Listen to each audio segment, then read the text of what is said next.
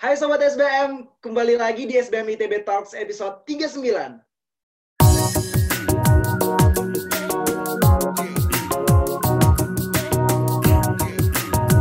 Perkenalkan, saya Mardi Gesilaban, Entrepreneurship 2021 sebagai announcer di episode kali ini. Episode kita kali ini Sobat SBM, kita bakalan membahas sesuatu yang cukup menarik, yaitu tentang customer behavior switching during the pandemic. Nah, menariknya dan spesialnya di episode kali ini, kita bakalan ngobrol banyak terkait topik tadi bareng dengan Mbak Fitri, salah satu dosen SBM nih, dan juga merupakan PIC di Neuro Business Lab nih, sahabat SBM. Kita sapa dulu nih. Halo Mbak Fitri. Apa kabarnya nih Mbak Fitri? Halo Mardi. Alhamdulillah, puji syukur sehat. Apa kabar Mardi? Ya, baik juga nih Mardinya. Nah, kita nih udah tahu nih kondisi dunia kita setahun belakang ini nih Mbak Fitri, yaitu tentang COVID-19. Mm-hmm. Itu menjadi yeah. salah satu wabah Betul. penyakit yang mendunia gitu kan. Nah, dan sebagai warga Indonesia, mm-hmm. kita juga udah merasakan dampak yang sangat signifikan gitu kan. Mbak, banyak banget di dampak negatif, bahkan ada dari sebagian segelintiran orang-orang yang mm-hmm. sampai cukup menderita karena uh, dari COVID-19 ini sendiri. Tapi bicara tentang pola pekerjaan kita atau pola perkuliahan atau hmm. bahkan hal-hal sederhana deh dari cara kita keluar ke rumah gitu kan itu jadi sesuatu yang berubah drastis hmm. gitu ya mbak. Yang mungkin dulunya kita ketika keluar rumah Betul, yang gak ada rasa was-was sama sekali tapi sekarang ini yang menariknya kita harus mikirin dulu nih udah bawa masker nggak sih tadi? Udah bawa hand sanitizer nggak sih tadi? Gitu kan mbak ngerasa nggak mbak kalau kayak gitu saat ini memang dengan adanya pandemi COVID-19 ini merubah tatanan hidup kita ya, terutama hmm. perilaku kita sehari-hari, bagaimana kita membeli barang, mengkonsumsi barang, hmm. nah, itu sangat berubah sih dengan adanya pandemi ini gitu ya dan terutama nih impactnya terhadap kondisi ekonomi kita ya. Awalnya kan memang uh, ini mulai impactnya di tahun 2020 ya. Hmm. tepatnya di kuartal satu pada awalnya ketika COVID-19 ini outbreak di China sebetulnya ekonomi kita masih oke okay lah cukup oke okay kondisinya. Ketika itu baru muncul gitu ya di China. Nah cuma nah ketika dia mulai uh, masuk ke Indonesia dan Presiden Joko Widodo mengumumkan kasus pertama nah mulai dari situ memang mulai terjadi pelambatan di kondisi ekonomi kita. Dan kondisi COVID ini juga uh, ketika memasuki kuartal kedua itu sebetulnya makin terasa uh, hmm. penurunan uh, daya beli masyarakatnya gitu. Karena adanya PSBB dan sebagainya iya, ya. Iya, benar, benar, benar, nah itu di situ sih. Mulai makin terpuruk kondisi ekonomi kita sampai akhirnya kan menuju jurang resesi begitu kan dari yes. mulai kuartal tiga Nah, dan akhirnya di akhir tahun kemarin itu sebetulnya sudah semakin cukup membaik begitu ya kondisi ekonomi kita sampai akhirnya di akhir Desember kemarin eh, Bank Indonesia melakukan survei begitu indeks keyakinan konsumen uh, sudah mau masuk ke zona optimis lagi nih kemarin optimis. berdasarkan hasil survei iya hmm. sekarang tuh udah Desember terakhir survei itu di angka 96,5. Nah, zona optimis wow. itu harus lebih dari 100%. Nah, yeah, yeah. mudah-mudahan nih di tahun ini akhirnya kita sudah mulai bisa masuk ke zona optimis ini. Dan sekarang mungkin pertanyaan Mardi itu berkaitan dengan uh, perekonomian juga nih ya Mbak. Ya terkait hmm. dengan kita tahu nih kalau perekonomian itu tentunya erat kaitannya dengan income atau dengan outcome gitu kan. Kalau tingkat pembelian konsumen itu jadi menurun karena adanya COVID-19 ini. Berarti mm-hmm. secara garis besar bisa kita cari kesimpulan atau dalam artian COVID-19 ini secara langsung mengubah perekonomian Indonesia dan dampaknya lagi merubah perilaku konsumen dalam berbelanja, dalam memilih Betul. pembelanjaannya. Nah, kalau dari Mbak Fitri sendiri nih ya, bagaimana sih mm-hmm. Mbak uh, penjelasannya terkait case ini uh, apakah hmm. ada faktor lain gitu loh yang bersinggungan dengan case-case ini gitu coba dijelasin dong biar hmm. sobat SBM dan Mardi juga lagi kepo banget nih terkait ini. Ya, jadi dengan adanya COVID-19 ini tentunya merubah daya beli dan pola konsumsi hmm. masyarakat ya. Kayak tadi kan akhirnya uh, konsumsi masyarakat menurun ya akibat COVID. Nah, sekarang orang-orang itu sudah mulai lebih selektif gitu untuk melakukan pengeluarannya. Ya, pertama itu dia jadi uh, impulsif buying-nya jadi berkurang tuh biasanya. Karena tadi ya daya beli menurun, mulai selektif ketika beli dan konsum barang dan saat ini lebih banyak dihabiskan untuk uh, membeli produk-produk kesehatan, ya, hmm, kebersihan, groceries, ya, bahan makanan, terus uh, hiburan, ya, telekomunikasi. Nah, itu yang meningkat saat ini konsumsinya, pola konsumsinya. Sedangkan kan uh, transportasi, uh, pariwisata dan lain sebagainya itu sangat-sangat drop ya pola konsumsinya restoran, berbagai service yang ada di luar saat ini juga akibat peraturan pembatasan ya PSBB dan sebagainya juga kan uh, jadinya tidak bisa uh, leluasa begitu ya untuk uh, buka. Nah, jadinya orang juga udah uh, takut gitu untuk datang ke tempat-tempat di luar tempat tinggalnya gitu ya. Jadi konsumsinya sih berubah banget gitu ya.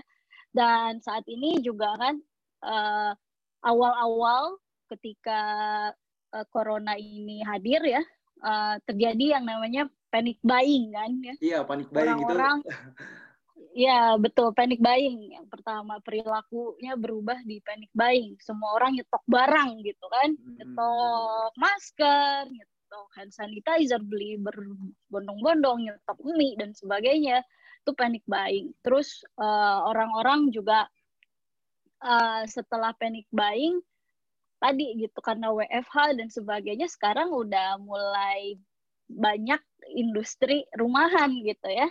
Ketika banyak orang diam di rumah, banyak uh, orang-orang jualan makanan di rumah gitu. Iya, Ya, jadi terus belanja online juga makin meningkat karena tadi uh, takut keluar rumah gitu ya jadi makin banyak uh, transaksi secara online kemudian layanan konsumen pun sekarang uh, banyak dilakukan secara online ya.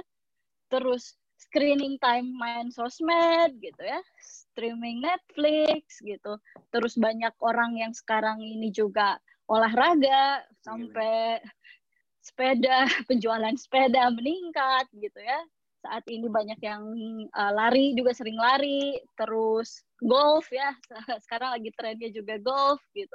Juga banyak sekarang gimana untuk menata keuangan, banyak juga pelatihan uh, perencanaan keuangan, terus bagaimana cara untuk investasi di saham kayak gitu itu juga makin banyak gitu orang sudah berubah ke arah itu gitu karena uh, uncertainty ya kondisi ini kita nggak tahu kapan selesainya jadi banyak orang juga udah mulai berubah ke arah situ gitu.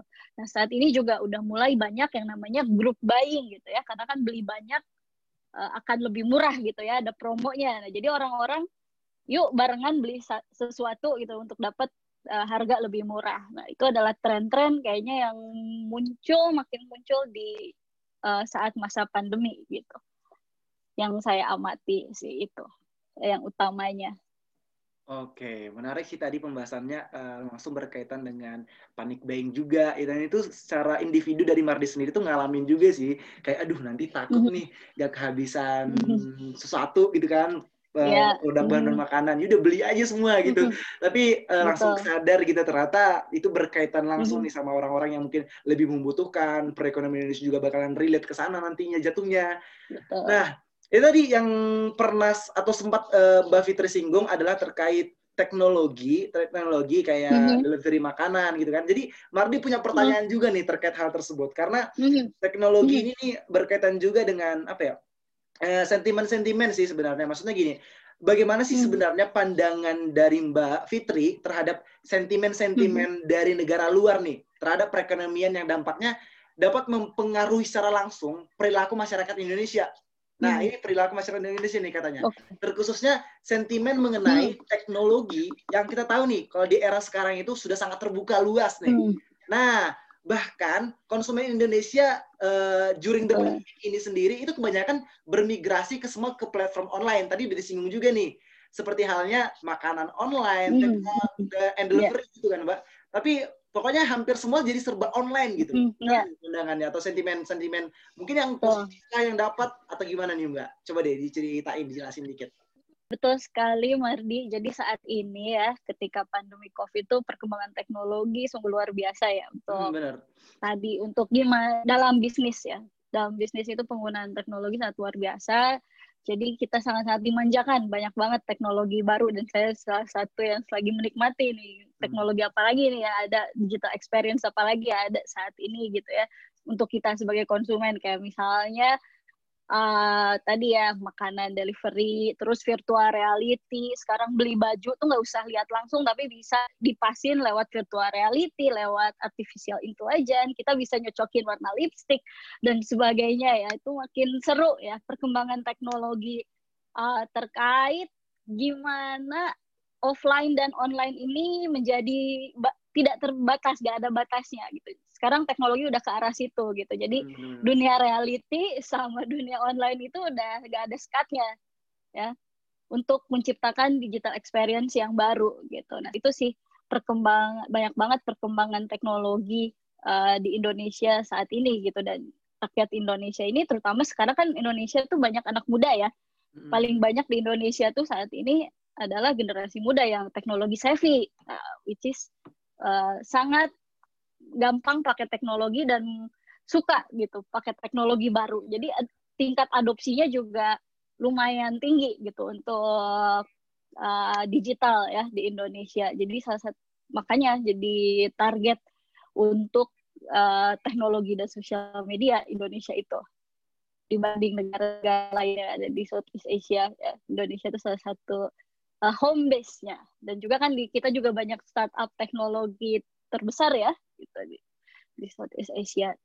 Nah, jadi memang tinggi sih. Nah, kalau tadi terkait sentimen dari luar negeri, sebetulnya sentimen dari luar negeri itu lebih uh, berdampaknya pada IHSG sih. Kayak kemarin ya, uh, Presiden Amerika gitu kan, baru terpilih Joe Biden. Nah, itu kan menimbulkan sentimen negatif yeah. gitu karena kan belum jelas gimana kebijakannya dan terutama gimana kebijakan perdagangannya dengan nah, China ya. Iya, setuju, setuju. Nah, itu akan mempengaruhi uh, kemarin kan indeks harga saham gabungan kita minus tuh kemarin-kemarin ya di zona merah tuh. Zona merah ya benar. Iya, karena itu gitu. Dan diperparah karena kita juga masih uh, dalam uh, kondisi uh, pembatasan ya saat ini sampai nanti tanggal 8 ya diperpanjangan PPKM ini ya. Pembatasan kegiatan masyarakatnya diperpanjang sampai tanggal 8. Nah, itu juga salah satu yang mempengaruhi kenapa IHSG kita kemarin ini uh, masih uh, turun sampai di zona merah itu sih. Oke deh, nah keren udah sangat-sangat kompleks ya penjelasan dari Mbak Fitrinya dan mungkin dari sobat-sobat SBM juga udah dapat ngambil kesimpulan nih. Dan sekarang pertanyaannya adalah berkaitan dengan pengalaman sih, lebih ke pengalaman. Karena kan sejatinya kalau kita lihat kondisi sekarang, orang-orang bisa mm-hmm. lebih aware ketika kita mendengar cerita orang lain. Oh iya bener banget nih, ini cocok banget mm-hmm. buat aku. Ini setuju-setuju sih, empatinya langsung keluar nih katanya. Kalau dari Mbak mm-hmm. sendiri nih ya, Mardi penasarannya, mungkin Sobat SBM juga merasakan hal yang sama gitu kan. Jadi mm-hmm. kita bisa saling empati gitu. Uh, pengalaman menarik dan sangat mm-hmm. Terasa banget nih tentang kondisi hmm. sekarang hmm. terkait pandemi terkhususnya sebagai konsumen hmm. nih Mbak yang mungkin kebiasaan hmm. berbelanjanya jadi berubah nih ya. Dan pembelajaran ya. apa sih yang didapat dari itu? Coba deh diceritain gimana nih Mbak? Jadi uh, apa yang berubah dari pola konsumsi saya selama pandemi ini kalau pengalaman hmm. pribadi saya ya uh, sebetulnya jadi tadi aware sama kebersihan ya aware sama, aware sama kebersihan dan kesehatan ya makin aware lagi gitu. Karena ya takut tadi terkena virus corona gitu dari mana-mana sekarang harus mandi harus bersih gitu. Dulu mah jarang beli hand sanitizer uh, ja, apa jarang bersihin kalau keluar tuh heboh gitu. Sekarang tiap keluar harus heboh gitu bersih bersihnya nah itu sih pembelajarannya jadi rajin bersih bersih ya gara-gara pandemi ya. Dan terus jadinya sekarang jadi lebih engage sih sama keluarga. Jadi kalau dulu karena nggak bareng keluarga gitu ya jadinya kalau beli barang ya buat sendiri aja. Karena tapi karena sekarang pandemi bareng-bareng keluarga ya kita beli barang tuh ya buat bareng-bareng terus gitu sekarang ya. Jadi sekarang itu kebanyakan produk juga sifatnya bundling ya yang dijual di pasaran karena tadi banyak orang stay di rumah gitu butuh nyetok barang gitu ya daripada keluar abis beli abis beli. Nah sekarang orang kan mendingan sekali keluar beli banyak gitu ya. Ya jadi seringnya saat ini beli barang sifatnya stok ya. Karena kan buat di rumah banyak orang kayak gitu sih. Terus jadi sering belanja online gitu kan uh, terus karena sekarang sangat-sangat dimanjakan ya dengan online adanya online ini uh, banyak banget uh, kemudahan yang kita dapatkan sebagai konsumen gitu. Beneran di Indonesia tuh dimanjain banget deh. Uh, beli materai aja udah bisa nyuruh go ini apa go shop gitu kan ke mana-mana enak lah kalau di Indonesia saat ini dengan platform online-nya yang sangat terintegrasi sangat-sangat membantu. Dan juga sekarang tuh uh, beli barang itu sangat-sangat personalized gitu ya. Jadi banyak toko yang menyediakan tadi gitu. Kayak kita punya personal shopper gitu ya. Kayak di kontak ayo mbak mau beli apa uh, ini ada katalognya dan benar-benar tuh secara personalized gitu. Jadinya lebih engage lebih enak dan saya juga dimanjakan sama berbagai tadi yang saya ceritain digital experience yang ada saat ini ya. Uh, asik aja nyobain tadi uh, baju atau lipstick secara virtual gitu ya. Nah itu juga salah satu hal yang uh, saya suka ya setelah ada pandemi uh, ini gitu. Karena banyaknya perkembangan digital ya yang bisa uh, ada untuk generate uh, customer experience ini. Dan terutama sekarang jadi lebih suka beli lokal produk ya. Karena banyak banget uh, tetangga ya. Dan juga banyak-banyak lokal brand juga bermunculan yang bagus-bagus saat ini. Ya, jadi di tengah pandemi kayak gini harus saling support sih gitu ya untuk beli lokal produk dan produk-produk UMKM itu sih. Oke, nah menariknya dari pembahasan tadi tuh Mardi nangkep tentang uh, Mbak Fitri jadi mau beli-beli produk-produk lokal nih ya karena produk ketika kita cinta sama produk lokal mm -hmm. ya secara mm -hmm. langsung itu juga support sama perekonomian Indonesia juga kan Mbak? Betul. Nah, oke okay deh, keren-keren. Nah, mungkin sekarang pertanyaan Mardi itu adalah sebenarnya kan kondisi Indonesia yang seperti demikian nih uh, dari sisi ekonominya yang berdampak kepada perubahan customer behavior banyak konsumen tadi. Nah, mm-hmm. ada nggak sih terpikir terpikirkan gitu oleh Mbak Fitri sendiri cara sebagai generasi muda ini mm-hmm. uh, mungkin sobat SBM juga uh, mungkin lagi mendengarkan gitu kan untuk support perekonomian kita di era yang seperti demikian gitu loh Mbak. Jadi mungkin mm-hmm. hal-hal sederhana gitu boleh banget di-sharingkan sama sobat-sobat SBM yang sedang mendengarkan. Ya, jadi uh, untuk generasi-generasi muda saat ini apa sih yang bisa kita lakukan ya untuk tadi gimana mensupport perekonomian bangsa ya? Yang tadi saya bilang yuk kita support lokal produk ya yang biasanya gila-gila brand luar gitu ya mm-hmm. yuk kita beli brand produk dalam negeri gitu. Karena ya tadi banyak banget sekarang uh, barang-barang UMKM ya brand-brand lokal tuh yang bagus-bagus juga kok gitu ya. Dan terus juga kan Indonesia ini negaranya orang-orangnya guyup ya suka tolong menolong ya. Paling nggak kita kalau belanja sekarang yuk ke warung aja gitu ya. Paling nggak kan oh kita tahu tetangga kita masih bisa survive ya, kayak gitu. Jadi daripada jauh-jauh susah-susah beli ya kenapa kita nggak beli dari orang-orang terdekat kita gitu ya itu salah satu mungkin cara termudah gitu ya untuk uh, di saat pandemi ini gitu tapi langkah jauhnya ya tentu saja uh, negara ini juga membutuhkan anak muda dan kontribusi anak muda dari ide-ide kreatifnya, inovasinya gitu ya. Untuk siapa tahu nanti bisa buka bisnis, peluang-peluang bisnis baru gitu ya.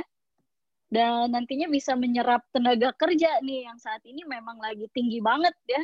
Tenaga banyak uh, tingkat pengangguran di saat pandemi Covid ini kan meningkat ya.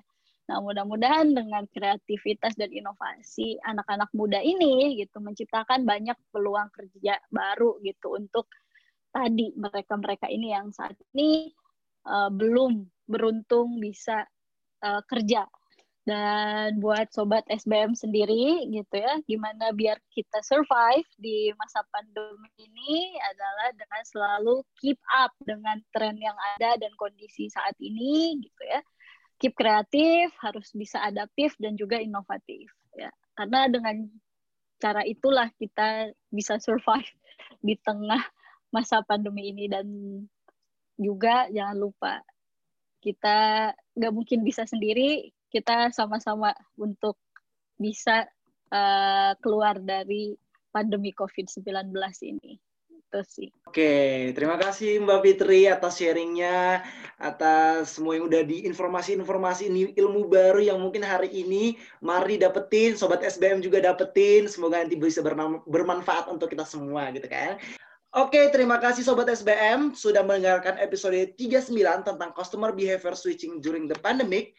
Semoga bermanfaat dan jangan sampai ilmunya dan informasinya stop hanya di kamu dong. Mari sebarin ke teman-teman terdekatmu. Jangan lupa like, komen untuk saran topik atau narasumber untuk episode selanjutnya dan subscribe on YouTube, follow on Spotify. See you on the next episode.